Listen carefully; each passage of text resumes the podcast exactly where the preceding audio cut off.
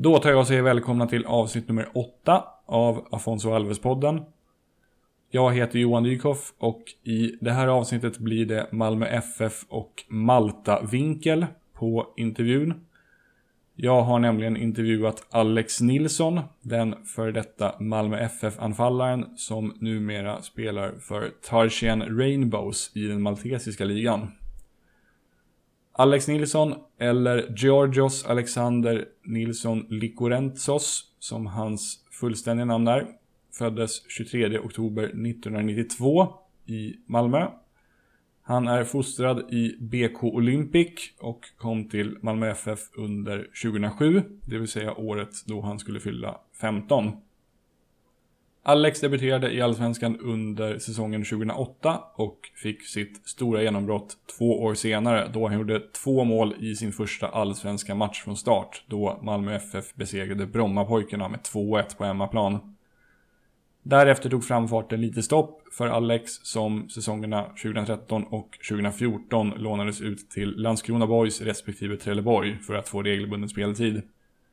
Efter säsongen 2014, då Alex var 22 år gammal, förlängdes inte hans kontrakt med Malmö FF.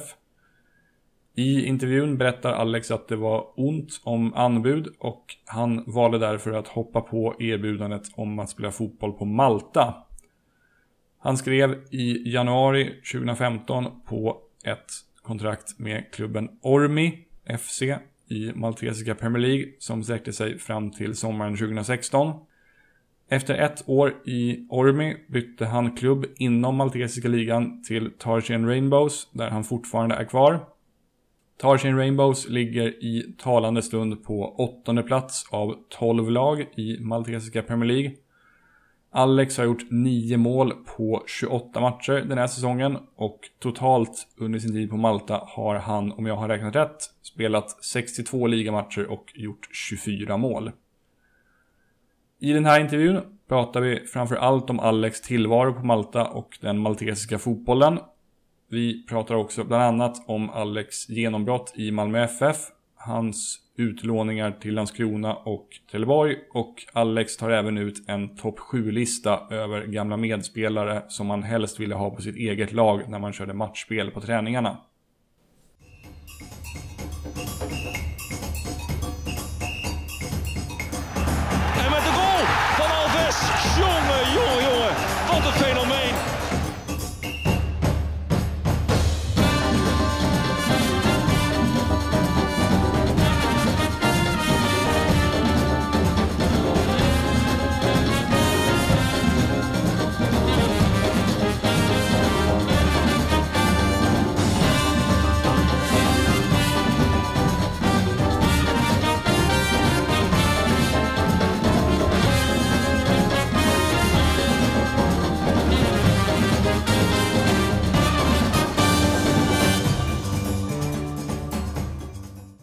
Så då börjar vi med faktarutan. Fullständigt namn? Alexander Georgios Likorentsos Nilsson. Och du har grekiskt påbrå, eller hur? Yes, det stämmer. Pappan som är därifrån? Japp, eh, från Grekland. Ja. Yes. Vilken del av Grekland är det? Eh, utanför Aten. Eh, Lutraki heter det. Ja, okej. Okay. Har du varit mycket i Grekland i dina dagar? Eh, nej, faktiskt inte. Inte jättemycket. Eh, jag var där nu senast för förra sommaren. Mm. Eh, tjejen är ju också, är också halvt grek så vi var nere där i deras lilla by och, och umgicks där i en tio dagar ungefär. Ja, trevligt. Eh, ålder? Eh, 24. Kommer från respektive bor i? Eh, kommer från Sverige, pappa grek då och sen så bor jag på Malta just nu. Mm. Och det är från Malmö ursprungligen, eller hur? Yeah. Yes, Ja. yes. Eh, favoritlag? Eh, Real Madrid. Inget i Sverige? Malmö såklart. Ja, misstänkte det. Eh, favoritspelare genom tiderna? Det kan vara en eller flera, eller, och sådana som har, spelar nu eller sådana som har lagt av. Eh, brassen Ronaldo. Mm. Eh, några, några spelare som du inte gillar av någon anledning? Eh, ja, en drös Barcelona-spelare. Nej men eh, Busquets eh, gillar jag inte. Eh, jag tycker inte han, och Luis Suarez likadant. Jag tycker eh, jag tycker inte de spelar eh, fair play, så eh, det får vara de två spelarna. Ja, det håller jag helt med dig om. Eh, då ska vi se, en spelare vars skor du själv gärna hade velat vara i, i något ögonblick? Uh, ja, Cristiano Ronaldo kanske. Han har väl vunnit det mesta. Är det något särskilt liksom, ögonblick som du tänker att där skulle man ha varit? Just i fallet ja. Ronaldo? Vinna Champions League hade väl inte varit helt fel, eller vinna, vinna EM som nu senast. Mm. Eh, då ska vi se, en företeelse inom fotbollen som du inte gillar? Eh, som jag själv har, har gjort då, eller men... Nej, det kan vara liksom, säg till exempel att man inte tycker om filmningar eller inte tycker om eh, ah, okay. målkameror uh, eller no någonting liksom.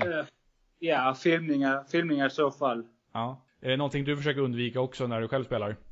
Uh, ja, jag, alltså jag försöker alltid stå på benen även om jag blir tacklad. Många gånger så får jag skit från, från lagkamrater att jag inte ramlar ibland. Så det får jag väl faktiskt säga. Ja. ja, men hellre det än tvärtom väl? Ja, absolut. Det tycker jag också. Ja.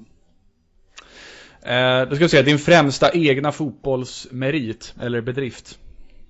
Uh, ja, jag SM-guldet 2010. Uh, jag var väl, spelade väl inte jättemånga matcher men uh, var ändå lite delaktig. Så det är väl ändå det största. Mm, absolut. En fotbollsupplevelse som du gärna hade raderat ur minnet? Alltså någon särskilt tråkig händelse? Uh, uh, pass, jag vet inte. Nej, du lägger fokus på det positiva bara. Ja, precis. Intressen utanför fotbollen? Uh, ja, det var en bra fråga. Inte så mycket. Jag uh, umgås med, med, med familj och vänner. Uh, inte så mycket annat. Mm. Uh, favoritland eller stad som du har besökt? Ja, bra fråga. Thessaloniki i Grekland gillar jag väldigt mycket. Mm -hmm. Vad är det som är så härligt med det? Ja men uh, alltså det är jättefint och så har man havet och precis så här precis vid där det vid byggnaden och centrum ligger, alltså Thessaloniki centrum ligger precis vid vattnet. Ja. Uh, det är jätte, jättefint. Okej. Okay. Och så avslutar vi faktarutan med favoritband eller artist. Oh, uh, uh, ja, jag, pass på den också. Jag vet faktiskt inte. Jag lyssnar inte supermycket på musik om jag ska vara ärlig. Aha, okay. Men jag gillar, jag gillar grekisk musik och så gillar jag så lite eh, latino pop typ. Ja.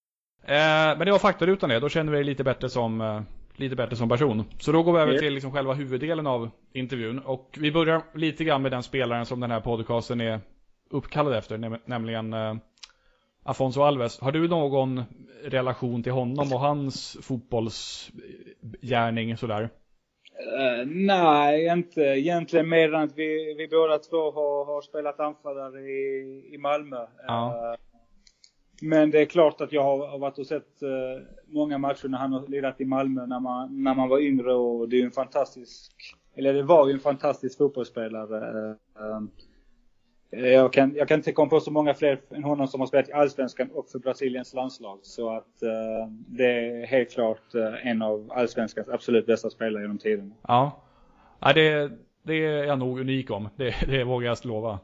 Um, och du, ska se, Afonso spelade i Malmö från 2004 till halvvägs in på 2006 och då var du fortfarande i BK Olympic va? Uh, ja det stämmer. Jag tror jag bytte till MFF 2007. Så mm. att så ni missar varandra precis där. Ja, exakt. Um, men jag tänker, men du, du, du ser ändå dig själv som Malmö FF-supporter? Absolut. Ja. Jag menar, jag tillbringade ändå uh, ja, åtta år i klubben tror jag, så att uh, uh, det är klart att jag är uppvuxen i staden och, och ja, det är klart att jag ser mig själv som Malmö-supporter. Mm. Absolut. Finns det några Malmö FF-spelare som du liksom såg upp till när du var ung, ifall du gick och såg på matcher och så?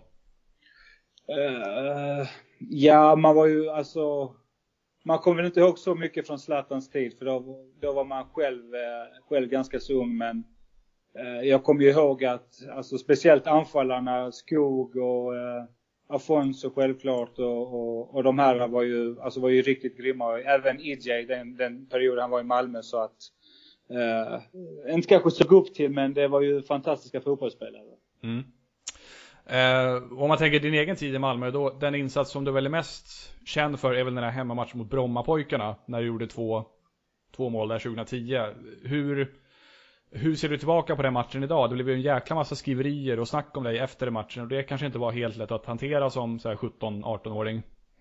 Nej, det, det, det stämmer. Det, det, klart, först och främst det var ju det en fantastisk upplevelse att få, eh, som 17 få, eh, få chansen att starta i Malmö och sen få göra två mål. Det, det, det, är en upplevelse jag aldrig kommer glömma och alltid ha med mig som ligger mig väldigt nära hjärtat. Mm. Eh, men sen är det klart att som 17-åring 17 är man fortfarande ja, inte, inte ett barn, men man är, man är inte vuxen heller så att eh, det är klart att det blev en del press efter det. Men, eh, men samtidigt var det ju kul att det var mycket skriverier, men det, det, det är klart att det, det, blev, det innebar en del press också samtidigt. Ja. Och sen efter det när det blev, för sen blev det väl ganska snålt om speltid i Malmö för dig de kommande säsongerna. Hur, hur tacklade du det när du liksom en gång hade lyfts upp som någon form av blivande superstjärna? Alltså det blev en viss kontrast där? Ja, alltså, ja, sen, sen den dagen jag kom till Malmö så hade det bara gått spikrakt uppåt och jag hade liksom aldrig stött på mig några, motgångar och sen så eh, Eh, allt, direkt när jag kom till Malmö så blev jag uppflyttad med ett år äldre. Vi vann SM-guldet samma år och sen det året efter blev man uppflyttad till juniorerna, ett år juniorerna innan man blev uppflyttad till A-laget. Eh, fick man göra debut, göra två mål och eh, inte varit med om några motgångar alls och sen så blev det inte så mycket speltid så det är klart att att uh, det tog nog ganska så tufft på en att uh, liksom uh, i och med att jag inte hade varit med om några motgångar tidigare så visste jag inte riktigt hur jag skulle handskas med det. Uh, så det var väl att man, man gick ner sig och grävde ner, ner sig ganska så mycket där den tiden. Ja. Vad fick du för stöd från liksom, lagkamraterna och tränarna under den tiden? Uh, ja, ja, inte så mycket uh, överhuvudtaget men uh, det blev, från, speciellt från Rolles sida var det inte alls mycket men sen när Rickard kom in, uh, Rickard Norling då, så, så tyckte jag att det blev bättre och, och vi första, hans första träningsmatch så fick jag vara kapten för A-laget även om inte det var några etablerade A-lagsspelare med så fick jag ändå chansen att vara kapten i första matchen där och och det, det, det lyfte en ju lite och sen så sista året innan jag lånades ut två gånger då så, så spelade jag ändå ganska så mycket. Jag gjorde 17, 17 eh, matcher 2012. Eh, mm. Så att, så att då, då var det ju bättre. Ja, just det. Och de här säsongerna när du var på lån, det var i Trelleborg och Landskrona, eller hur? Det stämmer. Ja, hur var de säsongerna för dig när du då äntligen fick spela regelbundet och göra rätt skapligt med poäng också? Uh, ja, uh, tanken var ju när jag, när jag gick till Landskrona då första utlåningen att jag skulle vara där en säsong och komma tillbaks och, och, och försöka ta en startplats i Malmö. Mm. Uh, Malmö vägrade i stort sett att släppa mig till Landskrona på lån men jag kände att att jag var redo att bli en startspelare och, och självklart kunde inte Malmö garantera mig en startplats. Eh, men samtidigt så ville de verkligen behålla mig i truppen och såg mig eh, som en, liksom, en av de tre anfallarna som verkligen konkurrerade. Så att eh, det var ett beslut jag tog helt på egen hand. Och, och sen när man då kom till Landskrona så började jättebra på försäsongen. Man gjorde jättemycket mål eh, i träningsmatcherna och något i Svenska cupen och så här. Och sen så Sen var det precis som att det låste sig både för mig och hela laget så fort, eh, så fort Superettan drog igång. Eh. Och då, eh, då var man ju fortfarande relativt ung, jag tror jag var 20 det året. Och och det var Jörgen Petterssons första år som, som tränare så att eh, det, det, blev, det blev ganska tufft för både för laget och för, för Jörgen eh, att, att få rätt på det sen efter, efter en tuff inledning och sen så ja, på detta då så var det ju spelskandaler och sånt samma år så att Ja just det Eh, så att det var ju inget kanonår. Det var ju inte som det året jag hade hoppats på. Även om jag ändå tyckte att jag gjorde det, det ganska så skapligt. Jag gjorde ändå en åtta mål och en tre assist tror jag i Superettan det året på, på 18 matcher från start. Mm.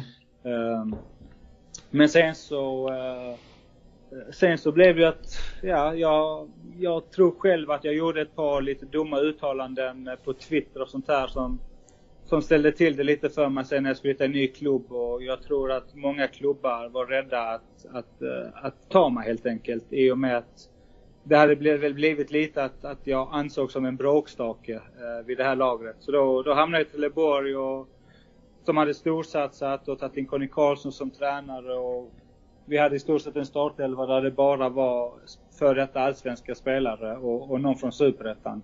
Så det, då, då kände jag att, att jag skulle köra även om min agent verkligen avrådde mig från att gå till division 1 och, och spela där. Så tyckte jag att jag att kunde man komma i toppen där, göra lite mål och få tillbaka självförtroendet, hitta glädjen igen efter några tuffa år så...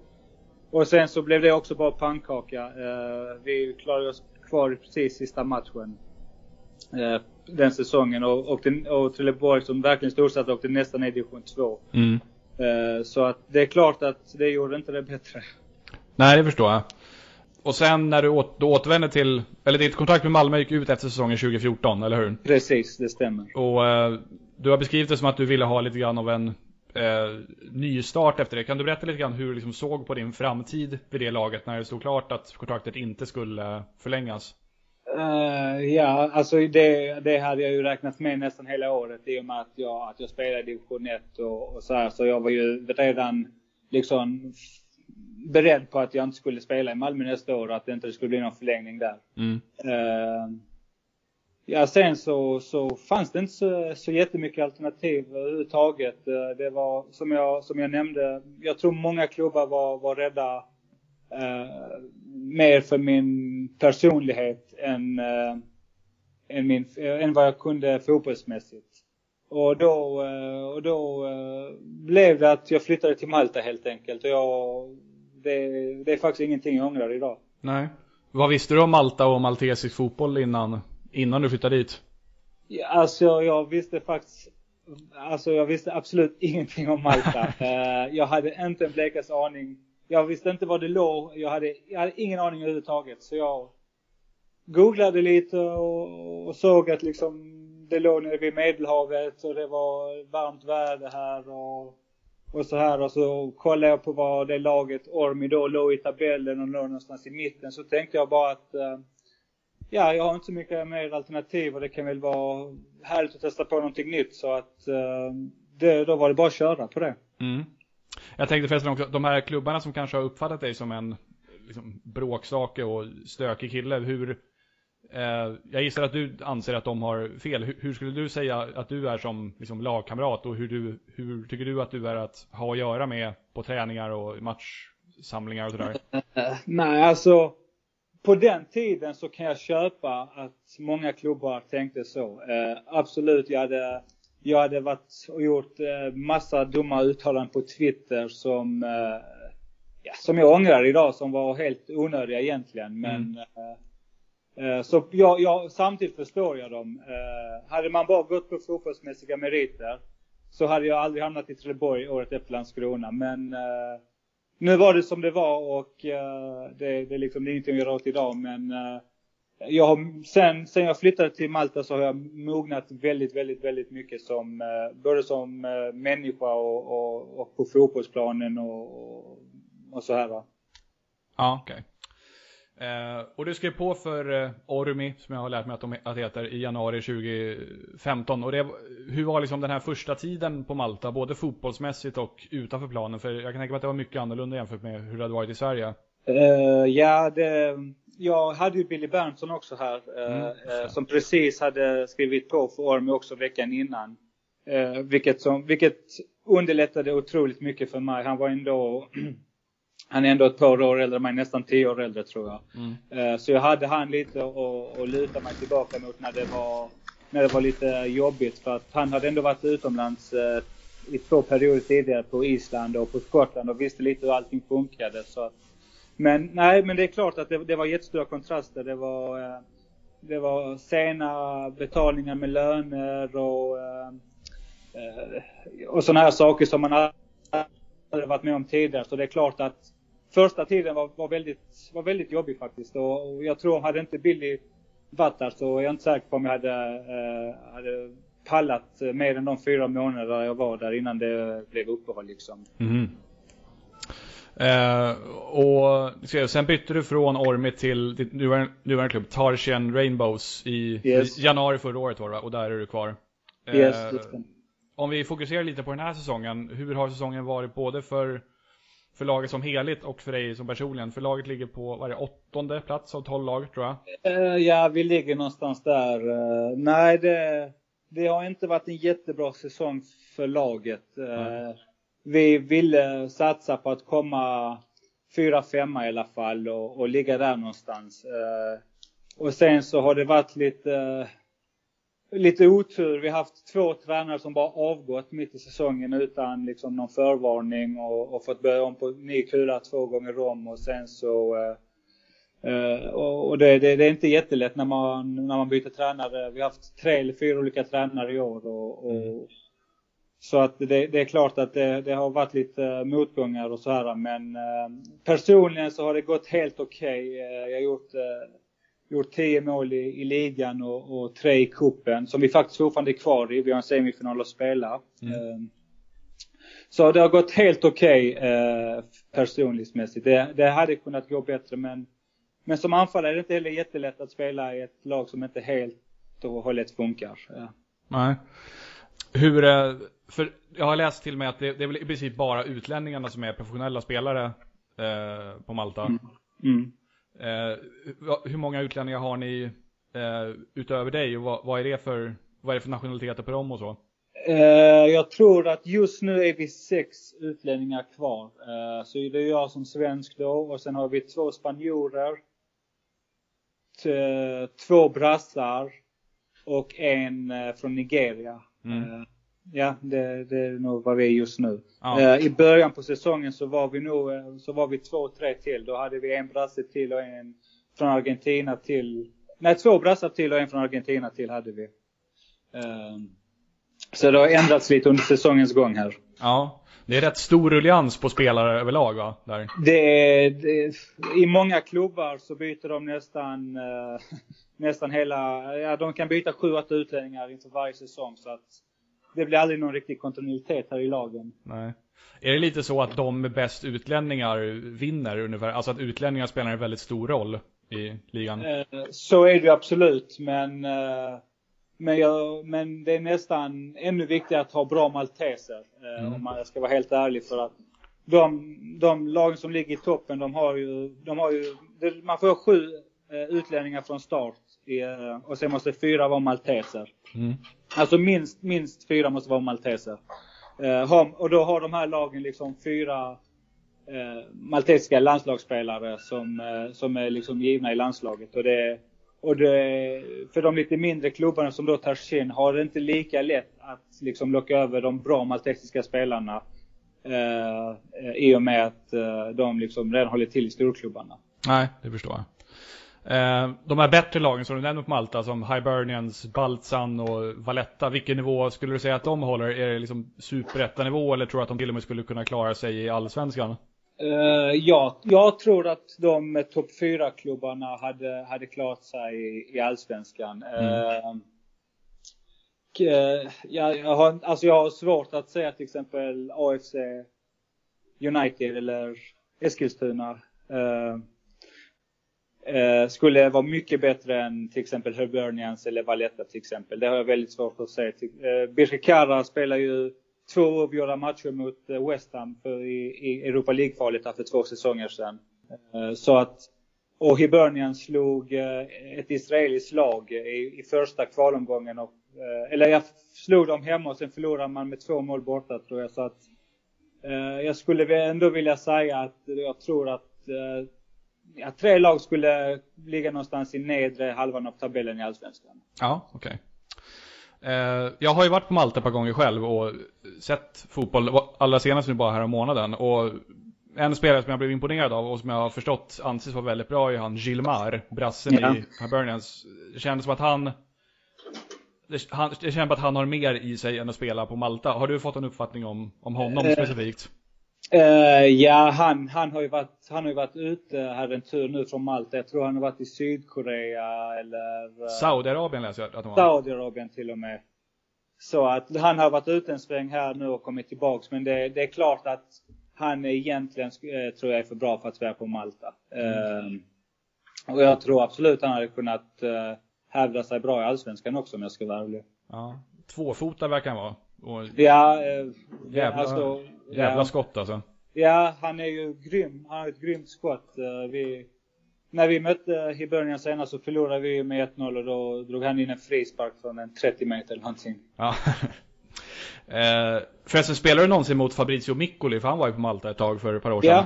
Ja, eh, då, jag spelade i Ormi då. Då, då eh, förlorade vi en match med 2-1 när han spelade. Då gjorde han ett mål och jag gjorde ett mål. Ja, ah, okej. Okay.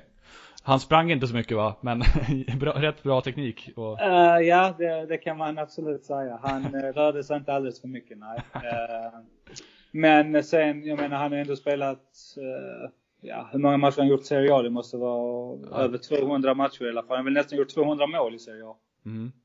I alla fall, i alla fall. Ja, 200 matcher, definitivt i alla fall. Ja, jag tror, han, jag tror han i alla fall har gjort 100 mål i Serie A, så det är klart att det är ingen dålig spelare, men man kan väl inte säga att hans motivation var på topp här. Uh, jag tror väl att de först och främst tog in han för Europa League-kvalet, som de skulle göra. Uh, och sen så blev han väl inte kvar ens ett halvår, tror jag, innan han lämnade Birkikara sen. Men uh, ja, han... en bra avslutare, så när, när han fick ett läge så var det ju mål. sen så tog han väl inte de extra metrarna. Om man Nej, inte direkt. Eh, ditt kontrakt går ut efter den här säsongen, om jag inte misstar mig. Det stämmer. Vad har du liksom i, i kikaren efter att den här säsongen tar slut? Vad hoppas du göra härnäst i fotbollskarriären?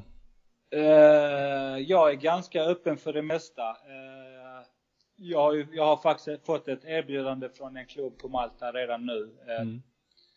Uh, faktiskt från Hibernian som, uh, som, som vinner ligan detta året och kommer ja, kvala till Champions League eh, om bara en och en halv månads tid.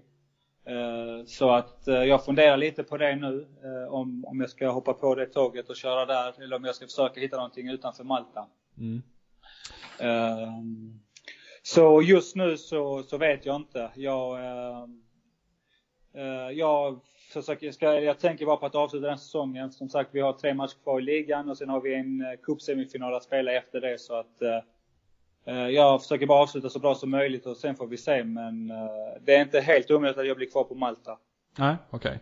Hur, eh, hur liksom lätt eller svårt skulle du säga att det är att bli upptäckt av klubbar från större ligor om man spelar på Malta? Alltså finns det, görs det någon scouting på Malta från andra ligor?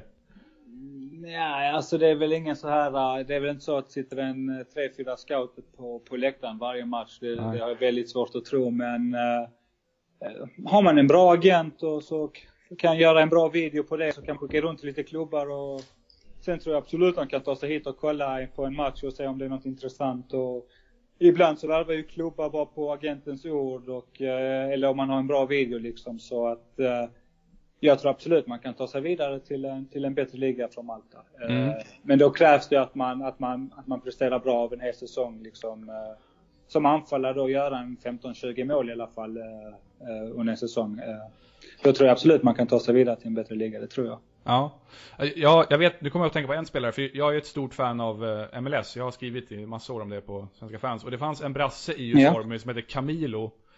Det stämmer. Han, han vann ju skytteligan på Malta och vann mm. sen även skytteligan MLS och spelar idag i Mexiko och gör riktigt bra ifrån sig där. Så... Det stämmer, det stämmer. Så det går ju det går ju Absolut. i alla fall, det går ju att ta sig vidare, definitivt. Uh, det, ja, han har jag hört mycket om faktiskt när jag kom till Ormy. Uh, jag pratade de väldigt mycket om honom och sa att han åkte till just USA och, och just nu lirar i Mexiko. Så, uh, aldrig sett honom spela men jag har hört väldigt, väldigt gott om honom. Ja.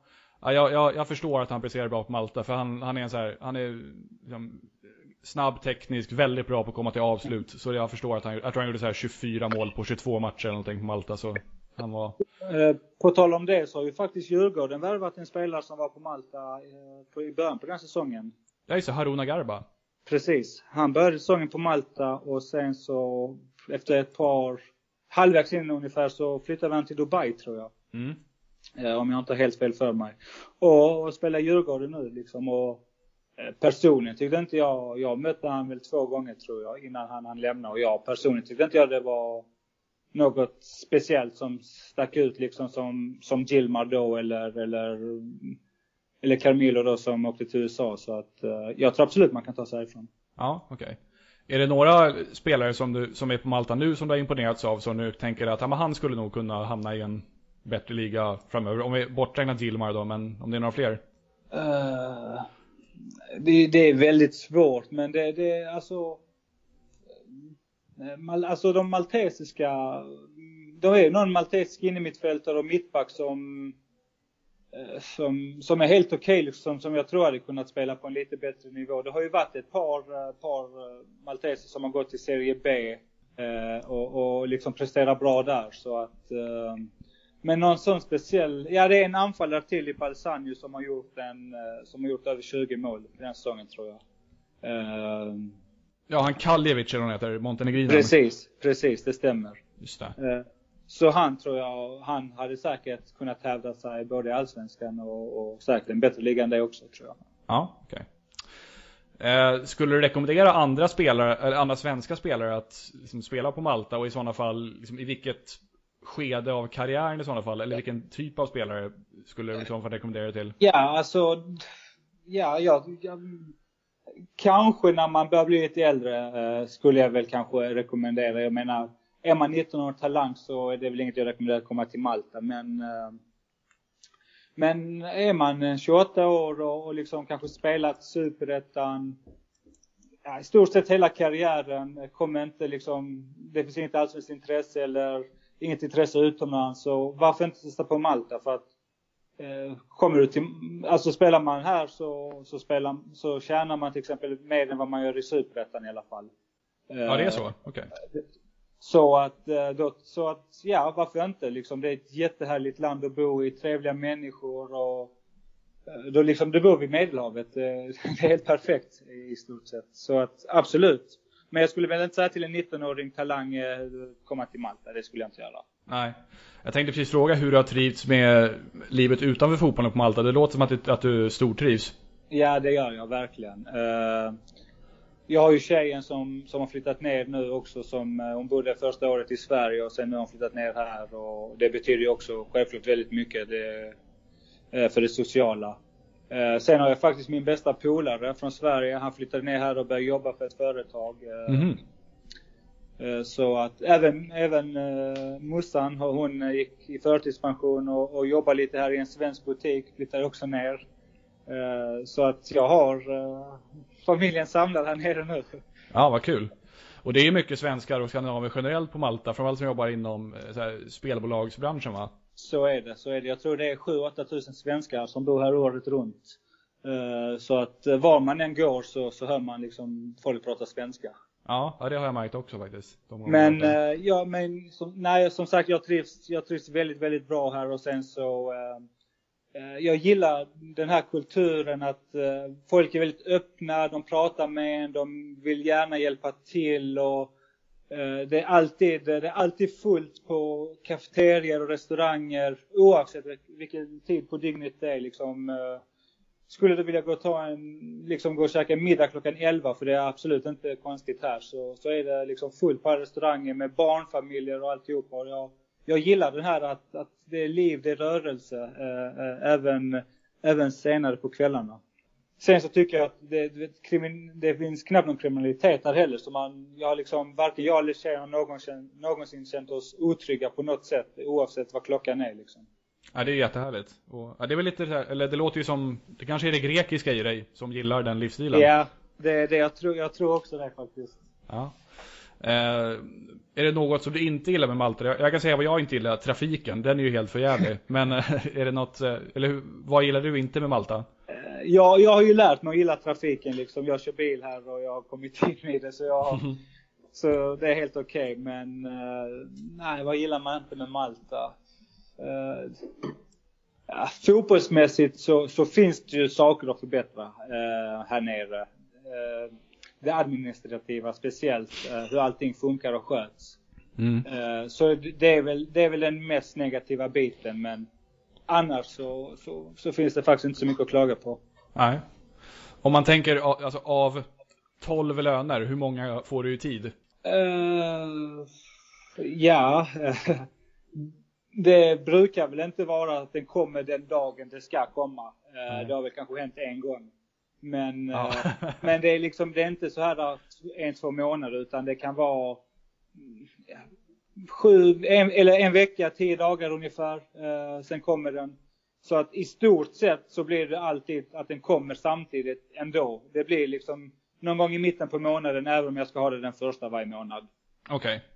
Så att mm. det är liksom, eh, det är inte så stora problem eh, för mig just nu. Det var för, större problem i förra klubben. Då kunde det, då kunde det gå längre tid. Okej. Okay. Eh, var på Malta bor du förresten? Vilken stad? Eh, just nu bor vi i Msida. Nu ska vi se, det, ja men det, det är söder om Gzira och Precis, det, det, man har väl en ungefär en fem minut, fem, tio minuter att promenera till, till Gzira liksom och sen är man inne i Slima på en kvart så att Ja just det. Hur trivs du i området? Eh, jättebra. Eh, jättebra. Vi bodde i Tersin innan där, eh, där, eh, där jag spelade då men vi valde att flytta in lite närmare stan och Eh, liksom mer centralt. Eh, tjejen jobbar ju också, också i hemsida så att hon har gångavstånd till jobbet sånt här. Så att, så att det, det, det, jag trivs alldeles utmärkt här. Ja. Eh, ifall någon, någon som lyssnar på det här funderar på att åka på semester till Malta, vilken tid på året skulle du rekommendera och vad bör man inte missa om man besöker Malta? Och vilken tid på året man bör åka? Uh, ja, det beror på lite vad man är ute efter. Uh, i maj skulle jag väl kunna säga är en väldigt bra månad för att då är det inte så överdrivet varmt och samtidigt så har det inte kanske blivit jättebra väder i Sverige än. Mm. Uh, sen i juli, augusti, det är ju det är fantastiskt fint och det är, men det är, då, är det, då är det riktigt, riktigt varmt här.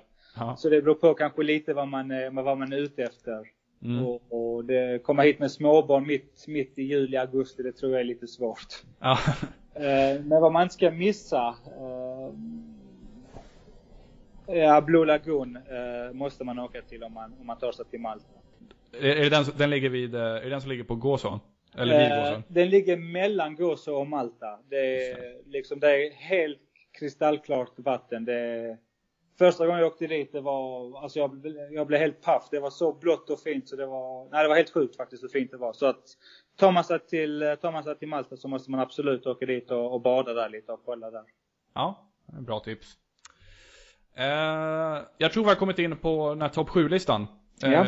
Sista punkten. Eh, och det här är då ett liksom, stående inslag som jag har i podden som, där alla som jag intervjuar får ta ut en egen topp 7-lista på ett ämne som jag bestämmer. Och för dig så valde jag eh, lagkamrater som man helst vill ha på sitt eget lag när man kör matchspel på träningarna.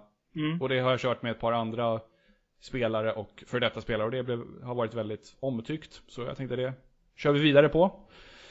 Så det är egentligen bara att köra igång. Gärna någon liten motivering till varje spelare också, varför du har tagit ut dem och så. Ja, eh, jag har valt att ställa Robin Olsen i mitt mål. Eh, mm. eh, som har haft en fantastisk utvecklingskurva och som helt enkelt är Sveriges bästa målvakt just nu så att det var ganska enkelt val. Sen har jag Pontus Jansson som gör jättestor succé i Leeds och för mig en väldigt komplett försvarare som, som är bra på allt egentligen. Eh, även väldigt bra med bollen eh, och eh, för mig borde det vara given vid ett eventuellt VM-spel 2018. Sen har jag kört Mikko Albornoz också. En väldigt teknisk och modern ytterback som är väldigt bra och som dessutom har varit med och vunnit Copa America med Chile, vilket är väldigt stort. sen har jag några mittfältare här. Jag har faktiskt tagit ut Jeffrey Obin som är en av dem han hade inte sin bästa tid i Malmö men eh, men en vinnarskalle och attityd eh, som jag, som jag älskar och en personlighet som jag älskar och, och ett väldigt viktigt för ett lag. Så att, eh, så han är en av mina mittfältare. Uh, Ulla Toivonen uh, var väl allsvenskans bästa spelare under, under, sina, under någon säsong när han spelade i allsvenskan och, och var väl även väldigt, väldigt, väldigt bra i, i, i PSV i Holland. Mm. Uh, och eh, ja, en, en grym spelare helt enkelt som får vara med i mitt lag. Uh, sen har vi Jimmy Durmas. Antagligen den bästa spelaren jag spelat med som i en mot en. Vilket är väldigt viktigt i modern fotboll att uh, yttrar kan, kan liksom slå sin försvarare och, och komma runt. Och sen har jag även tagit ut sist då John Guidetti, eh, som jag har spelat lite med i ungdomslandslagen, eh, som eh, gör väldigt mycket mål och eh, har en väldigt, väldigt, väldigt bra inställning där han alltid ger 210% vad det än handlar om. Ja, ja det kan man ju säga. Ja, jättebra sjua ju tyckte jag. Jag tänkte eh, en fråga som jag eh, funderar på. Det är när om man liksom kommer upp som, så som du gjorde i Malmö FF och ja. möter liksom etablerade, riktigt ja, men, duktiga etablerade allsvenska spelare. Hur, hur hanterade du det då? Blev du liksom o, orolig att, eh, som säga, att misslyckas och göra, och göra dem besvikna? Eller blev du mest taggad att vara lika bra, att komma upp på deras nivå? Uh, det är mest är det att man, man eh, är taggad på att bli lika bra som de övriga uh, man tränar med och spelar med. Men eh, självklart i en klubb som Malmö eh, ställs det mycket krav, eh, vilket det ska göra. Så det är klart att man, man ett par gånger har fått fått höra ett par saker. Det har man absolut. Men, eh, men eh, det beror på om man tar det som person sen. Tar man, man, kan, man kan ju ta det på två sätt. Antingen går man ner sig och blir ledsen eller så bara knyter man näven och bestämmer för att visa sig, eller visa dem att de har fel liksom. Så att, men jag tror framförallt att man, att man vill utvecklas och bli lika bra som de andra.